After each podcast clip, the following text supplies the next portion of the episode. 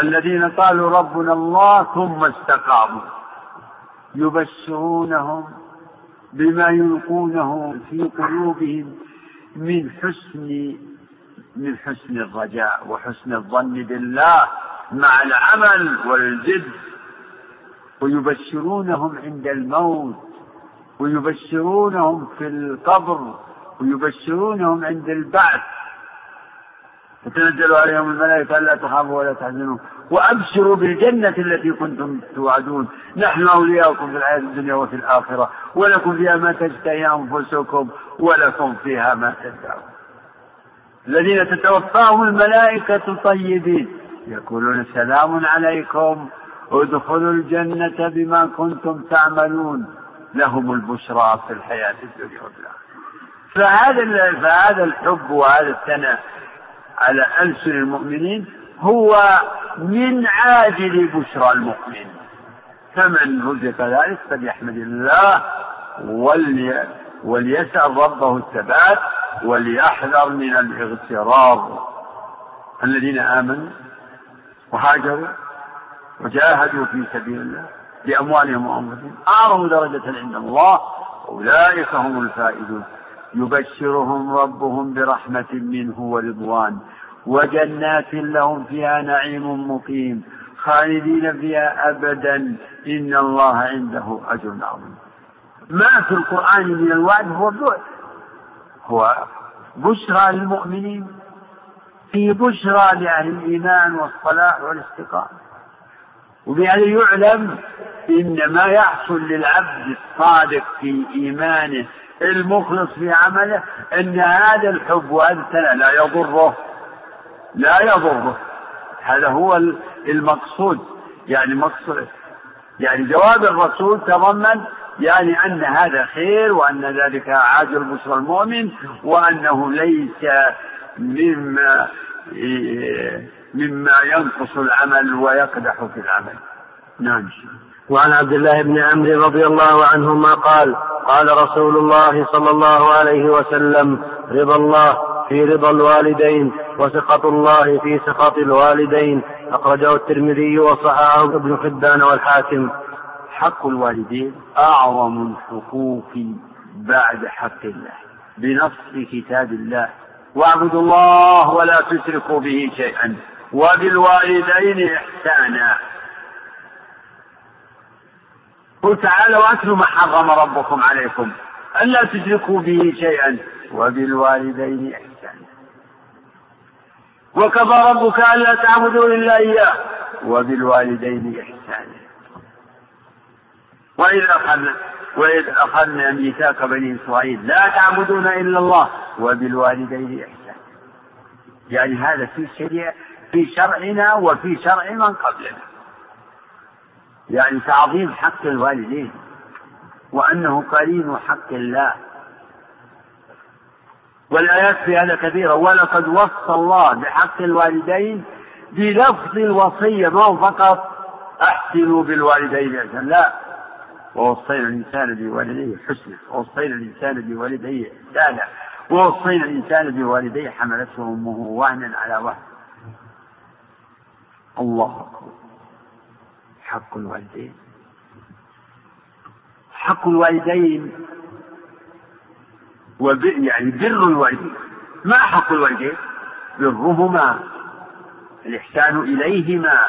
هذا هو حقهما على الولد. أن يبرهما أن يحسن إليهما. بأنواع الإحسان المناسبة لهما. المناسبة لحال كل منهما.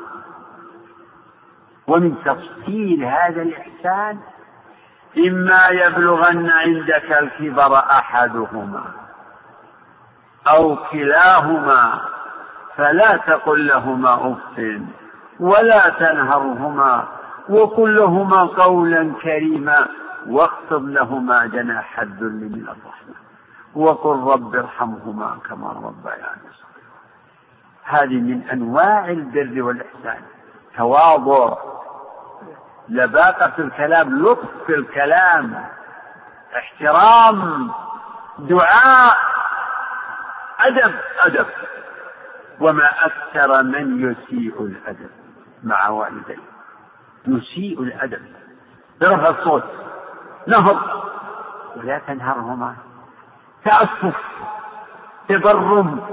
تضجر. ما أكثر.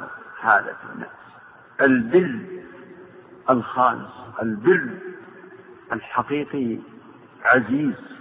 موجود وهو موجود. في الناس خير. بر إحسان لكن من الناس من يفعل. هذا يعني خلقا وجبلة وعادة وهذا خلق كريم وشريف. لكن ينبغي أن يكون هذا لله. حتى يثمر الثمرة حتى يثمر الثمرة العظيمة. يكون لله يعني بر الوالدين يمكن أن يكون ب يعني بحكم العقل والفطرة والعادة والخلق. يعني في ناس ناس وإن لم يكونوا من يعني من المتدينين والصالحين والعالمين لكن خلق خلق كريم. سبحان الله. لكن هذا يحمد يحمد لهم ويعتبر يعني خلق فاضل وشريف لكن إنما يكون عملا صالحا بشرط أن يكون لله. يعني ينبغي لمن يبر والديه لمن يبر والديه أن يستحضر الاحتساب يستحضر أمر الله ونهيه. يمسك عن ما يظهر منه الإساءة والعقوق. ويفعل ما يقتضيه البر والإحسان ويكون ذلك لله طاعة لله عبودية لله كما في قصة أحد الثلاثة الذي يعني ضرب مثلا عظيما في بره لوالديه وعنايته به.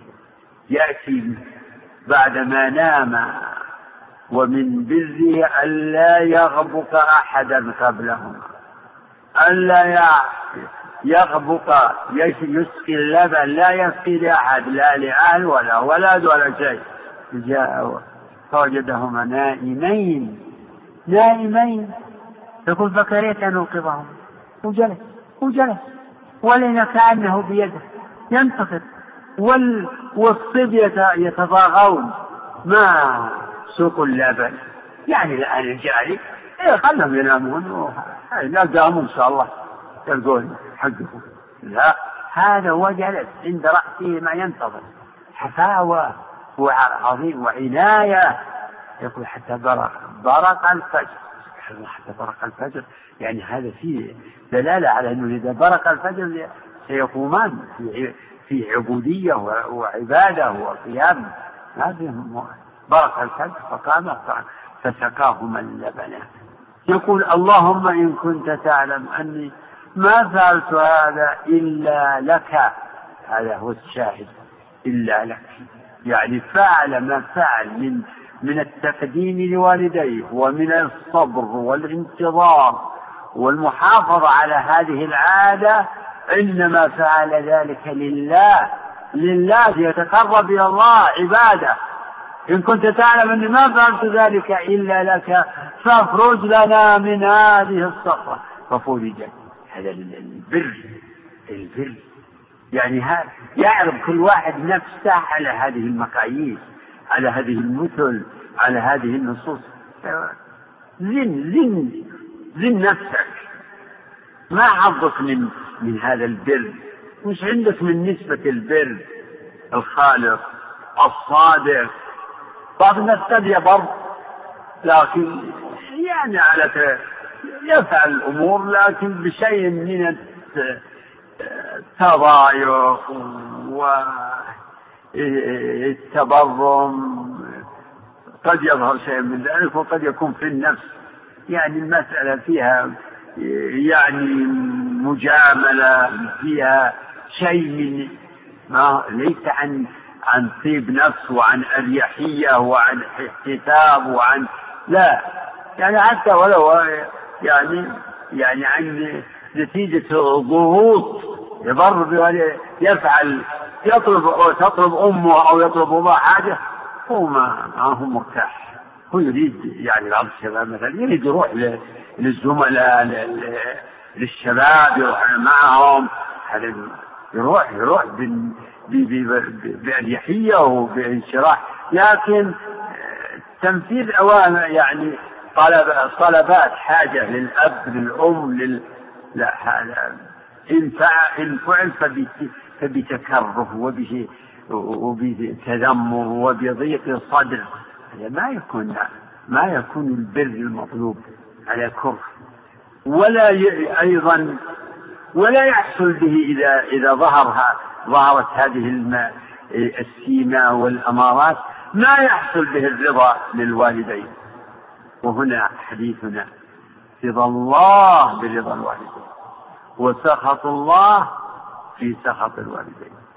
هذا يعني معناه رضا الوالدين سبب لرضا الله سخط الوالدين سبب لسخط الله. وفي هذا الحديث إثبات الرضا والسخط لله كما دل على ذلك القرآن. ومذهب السنة في هذا معروف. أن الله تعالى يرضى ويسخط كيف شاء وليس رضاه كرضا المخلوق ولا سخطه كسخطهم كما يقال في الكراهة والحب والبغض وما إلى ذلك كما تقدم غير مرة. رضا الوالدين عن ولدهما من أسباب رضا الله. إذا اطلب رضا الله بأن ترضي والديك. اطلب رضا الله بأن تبر والديك وتحسن إلى والديك وتحترم والديك لتنال رضاهما أو ليرضيا عنك فتنال رضا الله. واحذر أن تسخطهما. احذر أن تسخطهما بنوع من المعاملة بالعصيان بالإهانة بالسب. انظر إلى يعني يعني كما إن بر الوالدين من يعني أعظم الحقوق وافضل من أفضل الحسنات عقوقهما قليل الشرك. يعني الإحسان إليهما قليل التوحيد وعقوقهما قليل الشرك. تجدون هذا في الحديث في الحديث المتفق على صحته قال رسول الله صلى الله عليه وسلم ألا أنبئكم بأكبر الكبائر؟ قلنا بلى يا رسول الله. قال الإشراك بالله وعقوق الوالدين. تقابل تناسب ظاهر العقوق قرين الشرك والبر والإحسان قرين التوحيد. وسخط الله في سخط الوالدين. سخط الوالدين بسبب من أسباب السخط. يعني يمكن أن يكون بعصيانهما بانتهارهما بالسب يعني العقوق أنواع ومراتب ولكن من ذلك السب الشتم حتى ولو ولو على سبيل التسبب. من الكبائر أن يسب الرجل والديه أو أن يشتم الرجل والديه. قالوا كيف يسب الرجل والديه؟ يعني هذا ما هو معقول وله كيف يتصور أن الرجل يواجه والديه قال لا يسب أبا الرجل فيسب أباه ويسب أمه فيسب أمه. فهذا البادي بالسب الذي سب والدي الناس فسبوا والديه هو مستوجب للعنة الله لأنه من كبائر الذنوب. يعني إذا لعن الوالدين إما أن يكون بالمواجهة وهذا أقبح ما يكون يواجههما بالسب واللعن. هذا يقع كثير إذا عصب بعض الناس. نسأل الله. هم فعلوا غلط ما عنده أحد. أبوه ولا أمه. يمكن يحترم صديقه ويحترم زوجته أعظم مما يحترم أباه وأمه. يمكن إذا انفعل يسب ويلعن أبوه وأمه. هذا ويحصل ذلك بالتسبب. كل هذا من كبائر الذنوب. وذلك موجب لسخط الله من أسباب سخط الله. ففي هذا الحديث يعني ترغيب في بر الوالدين والإحسان إلى الوالدين وإرضاء الوالدين وتحذير من عقوق الوالدين. بإسخاطهما بنوع بأي سبب من الأسباب. الله. ترغيب وترهيب رضا الله في رضا الوالدين. يعني إذا يا عبد الله عليك برضا والديك ببر والديك بالإحسان إلى والديك. يا عبد الله احذر أن تسخط والديك فيسخط الله عليك. احذر. ترغيب وترهيب. فعقوق الوالدين من كبائر الذنوب وبر الوالدين من أعظم الحسنات. ومع ذلك الله أمر بطاعة الوالدين. يعني من برهما طاعتهما لكن بالمعروف. وصاحبهما في الدنيا معروفا واتبع سبيل من أناب إليه. بل بر الوالدين مشروع وواجب وإن كان كافرا. يعني واحد مسلم ووالداه آه، يعني كافران مشركان نصرانيان يهوديان. هل يسقط حقهما من من البر؟ لا ما يسقط آه، يجب برهما مع بغضهما مع بغضهما على دينهما. أن اشكر لي ولوالديك إلي المصير. وإن جاهداك على أن تشرك بي ما ليس لك به علم لا تطعهما إذا دعياك للشرك والكفر. وكذلك لا تطعهما إذا دعياك إلى المعصية فإنه لا طاعة لمخلوق في معصية الخالق. برهما عليها يكون بقدر المناسب لكن الوالدان المسلمان لهما حق. يعني ب يعني ما ليس للوالد أو الوالدين الكافرين يعني من المحبة لا. محبها المحبة الفطرية الطبيعية والمحبة الإيمانية ولا شك إن هذا كما قال أهل العلم إن الجار ثلاث حقوق. جار له ثلاثة حقوق. حق القرابة إلى القريب وحق الجوار وحق الإسلام. وجار له حقان حق الإسلام وحق الجوار. وثالث الجار الكافر له حق نعم وعن عبد الله بن مسعود رضي الله تعالى عنه قال قال رسول الله صلى الله عليه وسلم ثلاث لا يغل عليهن قلب مسلم إخلاص العمل لله ومناصحة ولاة الأمور ولزوم جماعة المسلمين فإن دعوتهم تحيط من ورائهم. رواه الترمذي والشافعي وغيرهما. هذا يشبه ما تقدم. إن الله يرضى لكم ثلاثة ويكره لكم ثلاثة في هذا الحديث ثلاث لا يغل عليهن قلب يعني لا يكون فيه غل منه. ولا بل ينشرح صدر المسلم لهذه الخصال الثلاث.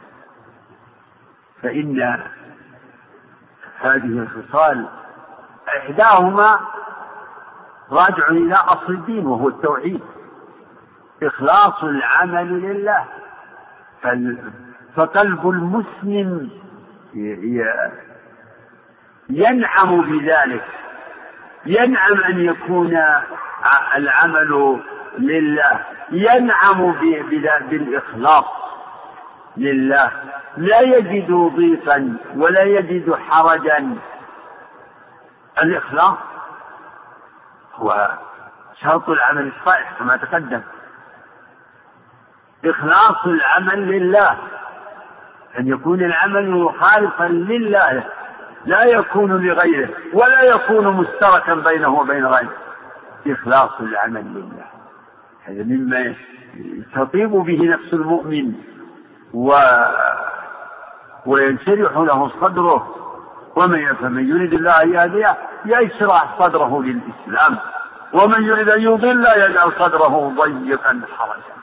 إخلاص العمل لله ومناصحة إيش الحديث؟ ومناصحته ومناصحة ولاة الأمور كما تقدم. مناصحة تجب النصيحة لولاة الأمور. والنصيحة أعم من المناصحة. المناصحة من ثمرات النصيحة. النصيحة محبة الخير. محبة الخير لهم. محبة صلاحهم. محبة استقامة حال حالهم. محبة عافيتهم. ولهذا أهل السنة والجماعة يقول السمع والطاعة لولاة الأمور ويدعون لهم بالصلاح والمعافاة ويدينون لهم بالنصيحة على حد قوله صلى الله عليه وسلم الدين النصيحة إلى قوله وأئمة المسلمين. فلا وضد النصيحة الغش محبة الشر لهم محبة. هذا حق واجب لكل مسلم لكل مسلم تجب النصيحة. أن تحب الخير لإخوانك المسلمين. ولا سيما الخواص من من الولاة ومن آه، أهل العلم. ولهذا الرسول خصهم قال ولأئمة المسلمين وعامتهم. خصهم خصهم من بين عامة الناس. والمناصحة تتضمن أمرهم بالمعروف ونهيهم عن المنكر والمشورة الصالحة. هذا بالنسبة لمن يتيسر له ذلك. ولاة الأمر يمكن أن, أن نفهمهم بأوسع مما يظن. يعني كل من ولي على شيء من أمور المسلمين فهو ولي أمر بقدر في حدود ولايته يدخل في ذلك. يعني الملك الرئيس والإمام الأعظم يدخل من دونه من الوزراء من المدراء كل واحد في حدوده. مدير المدرسة ولي أمر. ولي أمر على ما ولي أليس في الحديث؟ كلكم راع وكلكم مسؤول عن رعيته. حتى قال والرجل راع في أهل بيته والمرأة راعية. كلها مسؤوليات. كالنصيحة.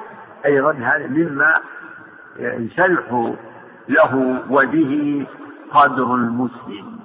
فهو يحب ذلك ويقوم به حسب الاستطاعة. ولا يجد في ذلك حرجا ولا ضيقا لا يجد في ذلك غلا. ومناصحة ولاة الأمر. الخصلة الأولى لله والثانية في معاملة الخلق في معاملة ولاة الأمور. يعني هم ولاة الأمر يعني كما قلنا يجب لهم من النصيحة والمناصحة فوق ما يجب وما يستحب. لسائر الناس. لأن بصلاح حالهم يحصل خير كثير ويندفع شر كثير. والخصلة الثالثة لزوم جماعة المسلمين لزوم الجماعة. ولزوم الجماعة يتضمن أمرين لزوم جماعة المسلمين في الاعتقاد والمنهج. وهو مثلا لزوم ما عليه أهل السنة والجماعة ما كان عليه السلف الصالح من الصحابة والتابعين. لزوم طريقهم طريقهم في الدين لزوم هذا الطريق وضد ذلك التفرق. واعتصموا بحبل الله كما تقدم وأن تعتصموا بحبل الله جميعا ولا تفرقوا. لزوم جماعة المسلمين إلزم جماعة المسلمين. لا تعد لا تعد عن الصراط المستقيم. طريق جماعة المسلمين هو الصراط المستقيم. طريق السلف الصالح من الصحابة والتابعين ومن تبعهم بإحسان هو الصراط المستقيم. فالزم هذا الطريق استقم على هذا الطريق. اعتصم بحبل الله ولا تحد عن ذلك الطريق. لزوم جماعة المسلمين.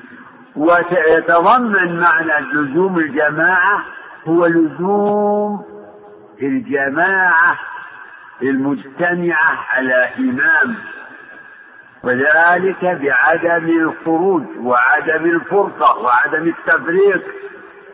عدم التفريق يكون لزوم الجماعة بالسمع والطاعة بالمعروف ويكون بترك الخروج وب وبمجانبة ما يسبب الفرقة لأن بهذا بهذا الاجتماع وبهذه الملازمة يحصل خير كثير ويندفع شر كثير ماذا يحدث إذا يعني إذا حصل الانقسام والافتراق والنزاع النزاع على السلطة النزاع على الولاية آه، يحدث الشر المستطير ولهذا جاءت الشريعة بالنهي عن الخروج على الأئمة وجاءت بالأمر بالسمع والطاعة بالمعروف لأن في مخالفة ذلك الشر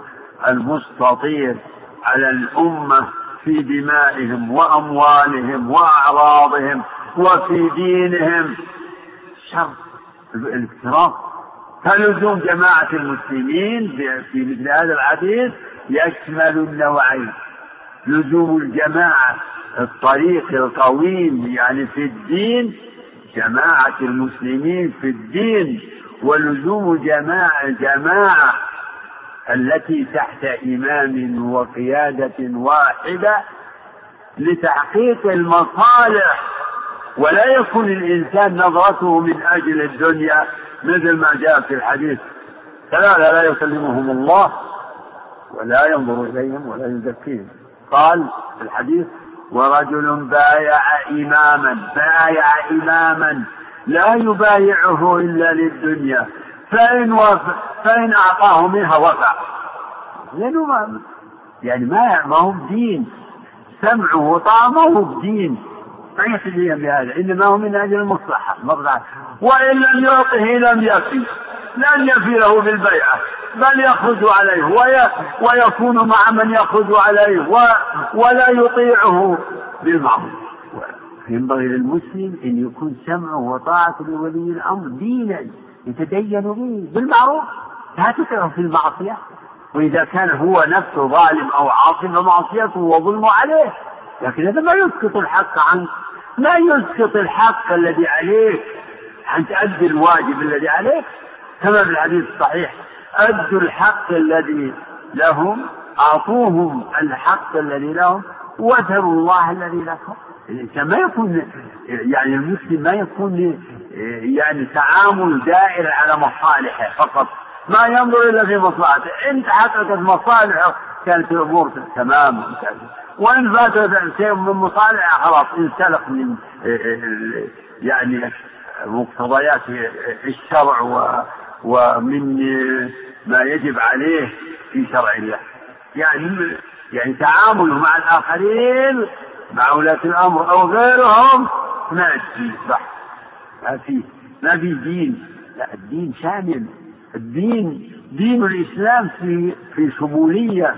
مشتمل يعني يتضمن أداء الحقوق التي لله من الفرائض وأداء حقوق الخلق شريعة شريعة شاملة فيها شمولية وكمال ولزوم جماعة المسلمين.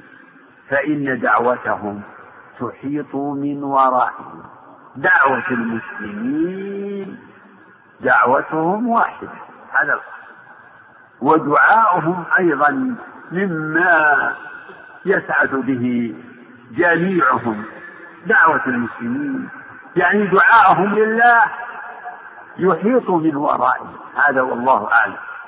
يحيط من ورائه دعاءهم دعوة المسلمين دعاءهم لله مما يحفظهم الله به جميعا ويصرف به بدعوتهم الشرور دعوة المسلمين فإن دعوة المسلمين تحيط من ورائهم يحفظهم الله بها وينفعهم الله بها.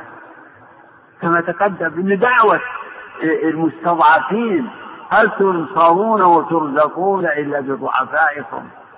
فالمسلمون شيء واحد على الأصل المسلمون وعلى المسلم إنه يكون يعني علاقته يعني مع عموم المسلمين مع إخوان المسلمين. يعني حتى يعني المسلمون كانوا قديما أمة واحدة ودولة واحدة. وبعد ذلك حصل التجذب والتفرق والتمزق وكذا. لكن الإنسان يتقي الله. هذا التفرق يعني في الولايات و الأنظمة. لا لا يبيح التفرق في الدين بل ينبغي أن يكون الولاء باقي أن يكون ولاؤك للمسلمين في أي مكان ومن أي جنس كانوا ومن أي بلد كانوا يعني ما يستحق يعني من المبادئ الوطنية يعني يكون ولاءك لمنسوب بلدك الصغير أو الكبير لا. والمؤمنون والمؤمنات بعضهم أولياء بعض. المؤمنون والمؤمنات يجب أن يكونوا متحابين يحب بعضهم بعضا ويحب كل للآخر كما يحب لنفسه وكل ينصح لسائر المسلمين في سائر البلاد في سائر الأقطار في أي يعني يجب على المسلمين أن يحذروا من التعصب لل... لل... للأرض واللون واللغة. لا. المؤمنون والمؤمنات بعضهم أولياء بعض. إلى آخر الآية. والذين كفروا بعضهم أولياء بعض. المنافقون بعضهم من بعض متشابهون في في أخلاقهم وفي أعمالهم. يأمرون بالمنكر وينهون عن يجب أن الشعور بالرابطة رابطة الدين رابطة الإسلام. مثل المؤمنين في توادهم وتراحمهم وتعاطفهم كالجسد الواحد إذا اشتكى منه عضو تداعى له سائر الجسد بالحمى والسهر. يجب على المسلم أن يحكم كتاب الله وسنة رسوله على كل شؤونه على مشاعره على علاقاته. على تصرفاته ولزوم جماعة المسلمين. لزوم الجماعة جماعة المسلمين. نعم. عن عبد الله بن عمر رضي الله عنهما قال قال رسول الله صلى الله عليه وسلم إنما الناس كالإبل المئة لا تكاد تجد فيها راحلة. متفق عليه. عن ابن عمر رضي الله عنهما أن رسول الله صلى الله عليه وسلم قال إنما الناس كالإبل المئة لا تكاد تجد فيها راحلة.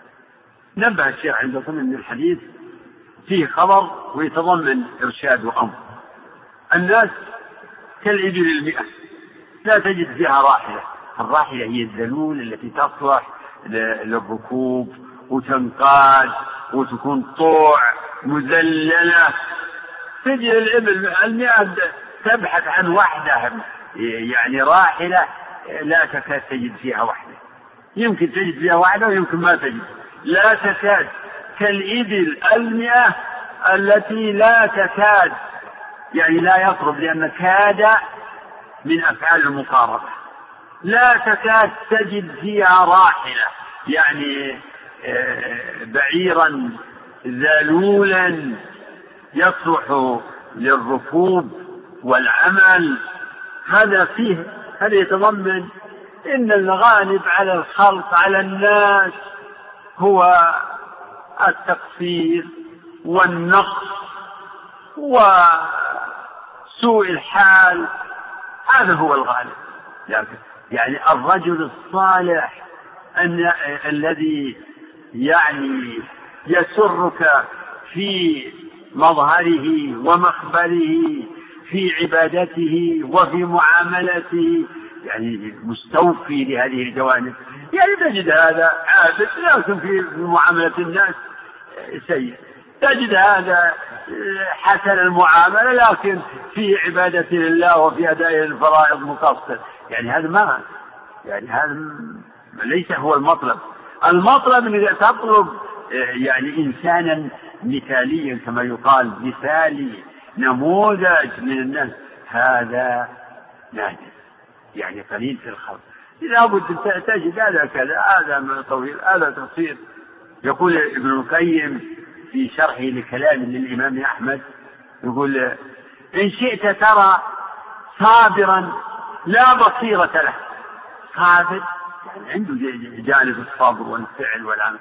لا بصيرة له رأيت. تجد هذا موجود وإن شئت ترى بصيرا لا صبر له رأيته موجود في الناس. وإن شئت ترى من لا صبر له ولا بصيرة رأيته هذه الأقسام كلها متوفرة. وإن شئت ترى بصيرا صابرا لم تكد بصير البصر يتضمن العلم يعني ذا علم وذا صدر وعمل صالح. وإن شئت ترى بصيرا صابرا لم تكن. فإن وجدته وجدت إمام هدى. إمام هدى فاستمسك بغرضه يعني الكمال عزيز. نادر الناس إنما الناس كالإبل المئة. لا تكاد تجد فيها راحلة الشيخ السعدي رحمه الله يقول إن هذا أيضا يتضمن أنه يجب على الأمة أن يعملوا على وجود ذوي وهكذا أيضا يعني من وجه آخر إنك في في بعض الشؤون يعني في باب الولايات والكفاءات. آه، لا تكاد تجد الكفاءة المرضية التي تحقق الغايات المطلوبة. لكن سددوا وقاربوا يعني تريد آه، المثالية في يعني في من يتولى كذا آه، القاضي المثالي الوزير المثالي المفتي الذي يعني يكون على مستوى من العلم والتحقيق والفقه. يعني أيضا هذا يلاحظ. كالإبل المئة. لا تكاد تجد فيها راحلة. الشيخ الثاني يقول إن هذا أيضا فيه الإرشاد إلى أن على الأمة أن تعمل على وجود ذوي الكفاءات وتأهيل الرجالات. ليوجد فيها من يصلح للولايات ويصلح للقيام بالمهمات لأن الأمة تحتاج تحتاج إلى يعني قيادات تحتاج إلى دعاة تحتاج إلى علماء تحتاج إلى قضاة تحتاج كفاءات إنما الناس كالإبل المئة لا تكاد تجد فيها راحلة. هذا خبر عن الواقع. وفي ضمن ذلك إرشاد إلى العمل لإيجاد من يصلح ومن يحصل به تحقيق الغايات من المهمات والولايات. نعم الشيخ آخر حديث. وعن أنس بن مالك رضي الله تعالى عنه قال قال رسول الله صلى الله عليه وسلم يأتي على الناس زمان القابض على دينه كالقابض على الجمر رواه الترمذي. الله يأتي على الناس زمان. يأتي على الناس زمان هذا خبر من الرسول بأنه يأتي على الناس زمان القابض على دينه يعني المتمسك بدينه الثابت على دينه. كالقابض على الجمر. القابض على الجمر يجد معاناة. قابض على جمر القابض على دين المتمسك بدينه يجد صعوبة لأن الناس هو كل من حوله ضده. وهذا مثال الغريب هذا يتصل بأحاديث الغربة. بدا الإسلام غريبا وسيعود غريبا كما بدا فطوبى للغرباء قيل من هم يا رسول الله؟ قال الذين يصلحون إذا فسد الناس أو يصلحون ما أفسد الناس. غرباء يعني صالحون في مجتمعات وفي أناس كثير على غير صراط مستقيم. وهؤلاء الغرباء هم الذي جاء فيهم الحديث قال عنه عليه الصلاة والسلام للعامل منهم أجر خمسين قيل منهم يا رسول الله منا قال بل منكم. وهذا أشكل على بعض على بعض الناس. كيف يكون هؤلاء أفضل من الصحابة؟ قيل لا إنهم لهم أجر خمسين من الصحابة في باب من أبواب الدين. ألا وهو الصبر مع قلة المعين. ولابن القيم لو قرأتموه في الشافية الكافية نظم يعني جميل في الغربة. يعني منها يقول أهل اليمين فثلة مع مثلها والسابقون أقل في الحسبان. ما ذاك إلا أنهم هم الغرباء. ليست غربة الأوطان لكنها والله غربة قائم بالدين بين عساكر الشيطان. طوبى لهم ركبوا على متن العزائم قاصدين لمطلع الإيمان. طوبى لهم وإمامهم خير الورى من جاء بالإيمان والقرآن. أبيات طويلة فصل في الغربة ومن ذلك يعني قوله والرب ليس يضيع ما يتحمل المتحملون من أجله من شان. والرب ليس يضيع ما يتحمل المتحملون لأجله من شان. من ذلك قوله فسل الغريب المستضام عن الذي يلقاه بين عدا بلا حسبان. في كل يوم فرقة تغزوه إن ترجع يوافيه الفريق الثاني. ولأجل ذاك كان كقابض جمرا فسل فسل أحشاه عن حر لذي النيران. فلذاك كان كقابض يشير على كان كقابض جمرا فسل أحشاه عن حر لذي النيران. المتمسك بدين الله في وسط المجتمعات الفاسدة. يلاقي يلاقي عنة وصعوبة. يهزأ به الناس ويسخر به الناس ويؤذيه الناس. يؤذونه لأن له شأن ولهم شأن. للناس شأن وله شأن. غريب بينهم. غريب في وطنه. هو في وطنه في بلده التي ولد فيها. ولكنه غريب. لأنه متفرد في أخلاقه في سلوكه في عقيدته. سبحان الله. يأتي على الناس هذا خبر صادق. يأتي على الناس زمان. المتمسك بدينه كالقابض على الجمر وفي هذا إرشاد إلى الصبر. الصبر على دين الله ومخالفة الناس في مألوفات الناس. تعال ما أنتم عندكم تلفزيون؟ لا والله. يا سلام ما عندكم؟ كيف ما عندكم تلفزيون؟ ما عندكم تلفزيون؟ خلاص ما فاتتكم اشياء ما عندكم ما ركبت دش ها هذا في أش... في شيء. الآن يهدأ الناس في هذا البلد يهدؤون وينتقصون اللي ما عنده دش ولا عنده تلفزيون. يعني يعتبرون إنسان اما متشدد ولا إنسان يعني ما عنده وعي. مين هو؟ هذا مثال قريب في هالبلد المباركة الطيبة. تعالوا لا لا تصورون لا تصورون يا شباب تصوير. الآن يهزأ الناس باللي ينهى عن التصوير. افرضه افرضه جائز. افرضه من المتشابه لماذا؟ لماذا السخرية بالذي ينهى عن التصوير أو لا يرضى بالتصوير؟ هذه من صور الواقع لا هذا متشبه يريد خالق ان تكلم عن اللحى قال اللحى حرام عجيب.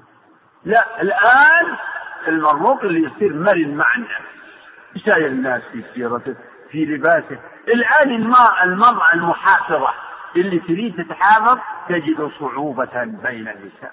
الآن من عادة النساء في هذا الوقت إن المرأة في مجتمع النساء أنتم في مجتمعاتكم مطبقين الثياب من الراس إلى القدم. النساء إذا اجتمعنا متهتكات. علي السيقان والأدرع والأعضاد والصدور والنحور والشعور. فلو أن امرأة جاءت كشمة ولابسة ثوب واسع ونازل ومغطية رأسها بالشيلة ما تريد.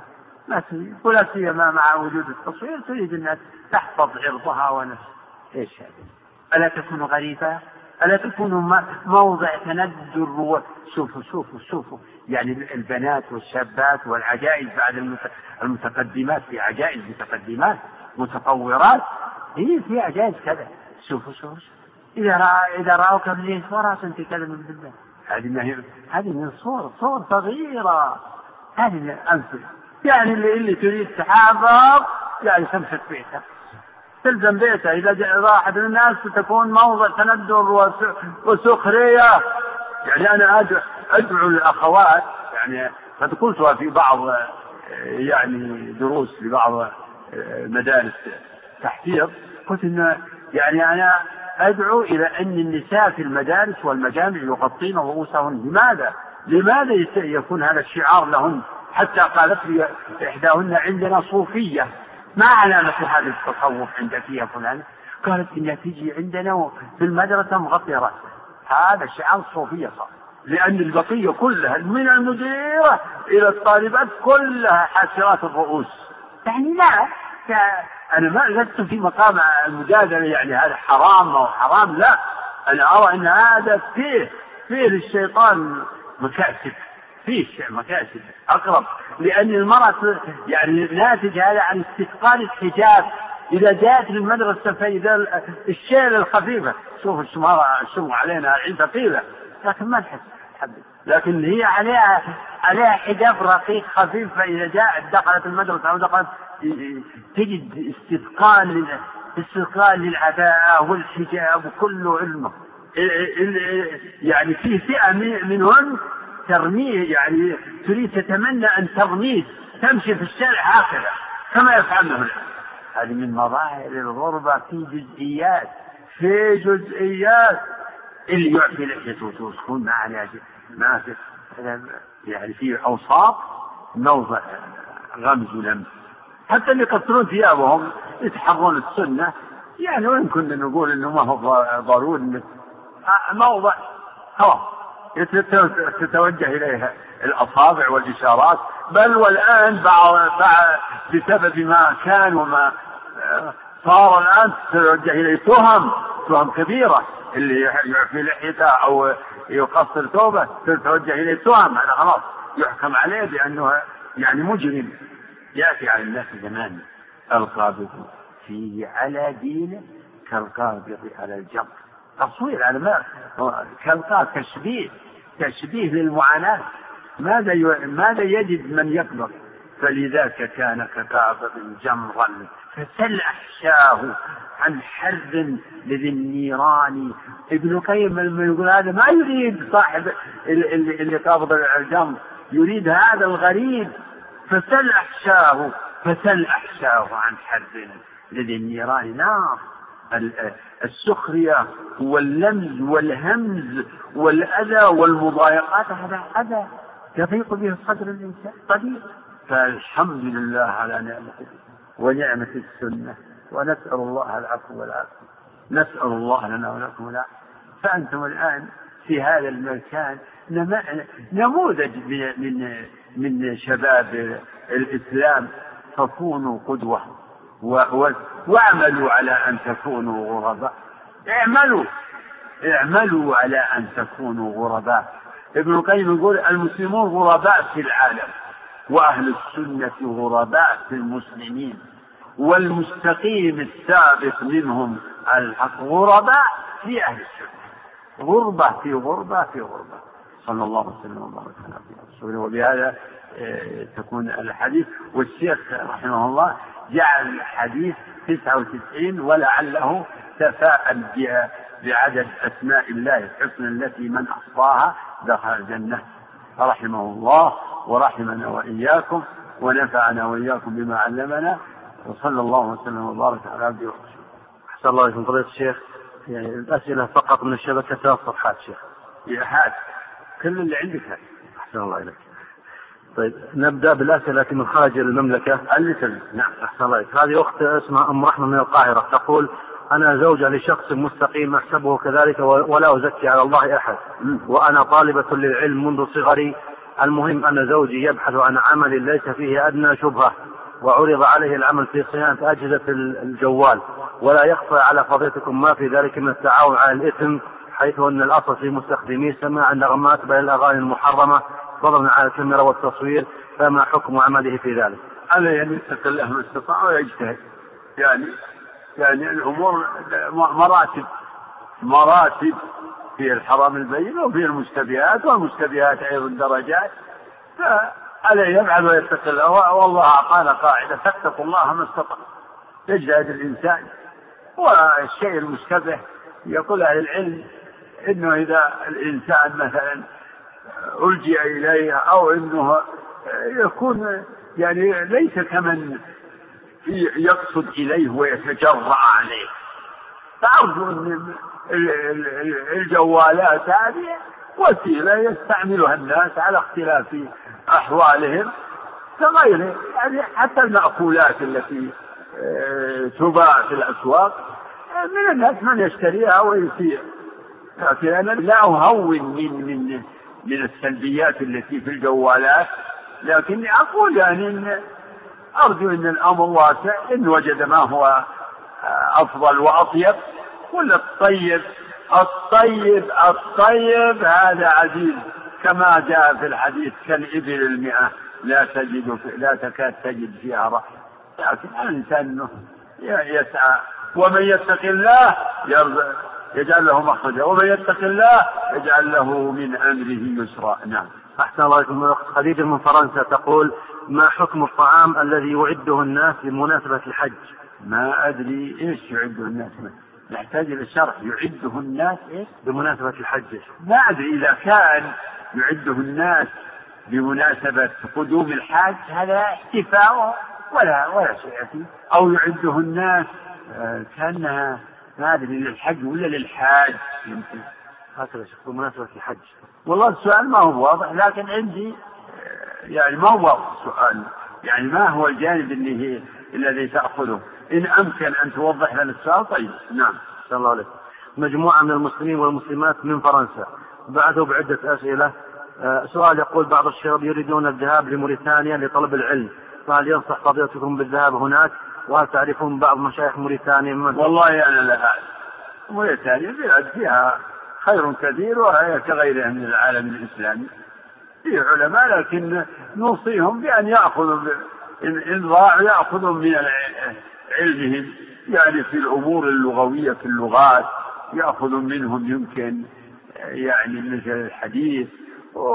وأما العقيدة ففيهم وفيهم. يحتاج الإنسان إلى أن وأعتقد أن الإخوة الذين يسألون هذا السؤال لا بد عندهم إن شاء الله من البصيرة ما يميزون به بين الجيد والرديء. نعم. أحسن سؤالهم الثاني يقول مسلم ووالديه كافرين عليهم قرض ربوي وعندهم مشاكل بسبب عندهم. قرض ربوي. ويقول فهل يجوز له مساعدتهم في سداد هذا الدين؟ نعم يجوز. لأنهم مطالبون به ولا بد. مطالبون؟ نعم. فيساعدهم نعم. سؤالهم الثالث مجموعة من المسلمين يقول يقولون إنه يبنى مسجد كبير في مدينتهم وهذا المسجد سوف تقوم عليه الحكومة الفرنسية وأحد الجماعات المنتسبة للإسلام وهي منحرفة عن المنهاج النبوي وهمها الوحيد السياسة والانتخابات والمناصب وجمع الأموال باسم الدين فهل يجوز لهم المساهمة في بناء هذا المسجد؟ لا يجدون غيره إن شاء الله يمكن مسجد يعني أهله أحوج والقائمون عليه يعني أفضل والله أعلم نعم أحسن سؤالهم الأخير يقولون أخت تقول إنها مطلقة ولها ثلاثة أبناء تريد الهجرة من فرنسا لبلاد الإسلام ولكن زوجها السابق وهو مسلم يرفض أن تأخذ أولادها معها فتقول هل يجوز لي أن أهرب بهم دون علمه؟ لا إله إلا الله لا والله ينبغي تعمل طرق دبلوماسية يكون أسلم. يعني إذا هربت بهم ما تأمن أنها. وإن كانت يقولون في القوانين الغربية إن الأولاد تبع لأمهم. وكذلك هم في الإسلام الحضانة للأم. فإذا أمكن أنها تعمل آه، على أنه بطرق بشفاعات بتوسيط بوساطات بوعود أنه يكون أعظم من كونها تهرب بهم لأن ما ندري إذا هربت بهم أنه يمكن يعمل ضدها يعني أمور تؤذيها ولا وتحول بينها وبين مرادها. مع إني يعني أجد انها هي أحق بأولادها إذا كانت تريد تنتقل بهم إلى ديار المسلمين. على العموم هي خير من بلاد فرنسا. نعم.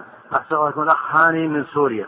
يقول نبيع الألبسة جاهزة وهي الألبسة الحديثة المشقوقة والقصير والعياذ بالله. يقول فهل علينا ذنب يا شيخ في ذلك؟ والله لو تغير هذه التجارة يكون طيب.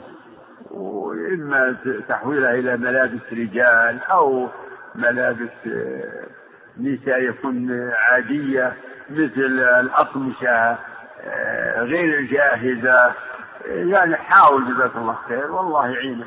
ما دام عندك هذا الحس الإسلامي والتوجه فأبشر بالخير وتدرج في أمرك. تدرج الله سبحانه وتعالى ييسر أمرك. والذين جاهدوا فينا لنهدينهم سبلنا. فمن اتقى الله واجتهد في الخير الله ييسره له ويعينه. فالله يعينه. نعم. الأخت أم البراء من الجزائر تقول أريد أن أسأل سماحتكم عن سفر المرأة لطلب الدراسة جامعية بدون محرم من مدينة إلى مدينة والإقامة في الإقامة الجامعة للبنات أو الإقامة الجامعة المختلطة مما يتسبب في مفاسد عظيمة مع جزاك الله خيرا. مما يتسبب في مفاسد عظيمة هذا هو الجواب. جزاك الله خيرا. أقول لا يجوز. إلزمي بيتك. إلزمي بيتك واصبري.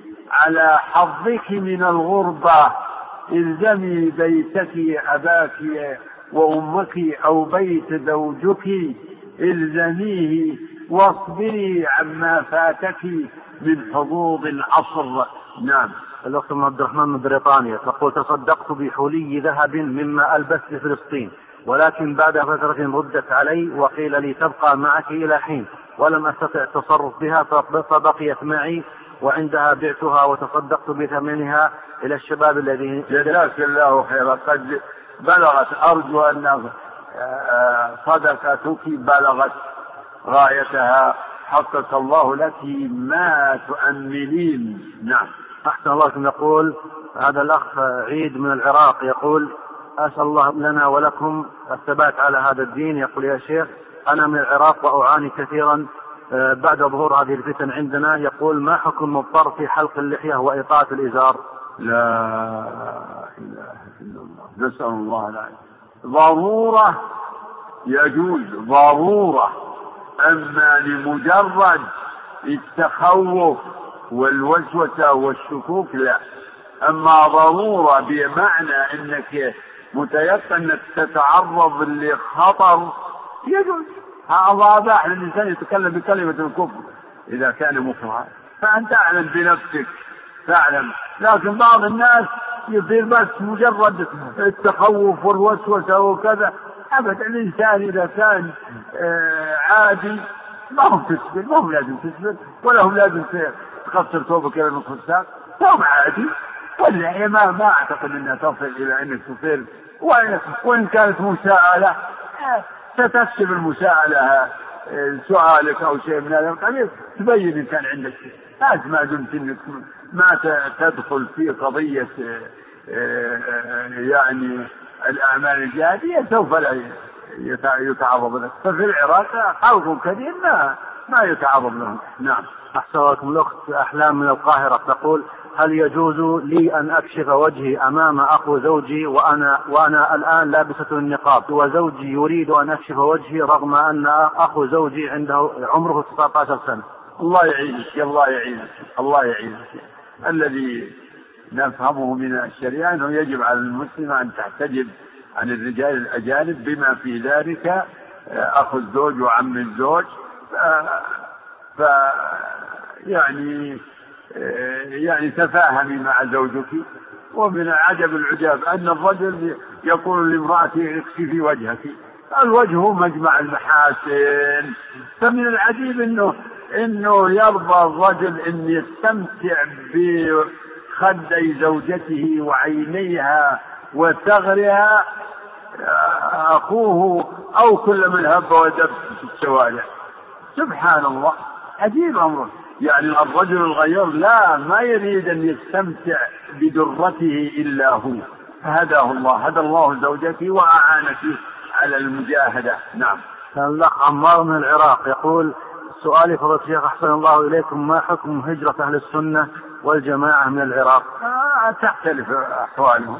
الإنسان إذا كان يعني أنه يفتن عن دينه وأنه آه لا يتمكن من إظهار دينه وأن أو عليه خطر آه تختلف والهجرة أصبحت الآن في غاية من العسر والصعوبة وأعتقد أن العراق مواقع تختلف يعني الانسان مواقع فيها مواضع خوف واخطار وفيها أعتقد إن في نواحي يعني يمكن تكون آمنة. أحسن الله إليكم مثابكم ونفعنا بعلمكم.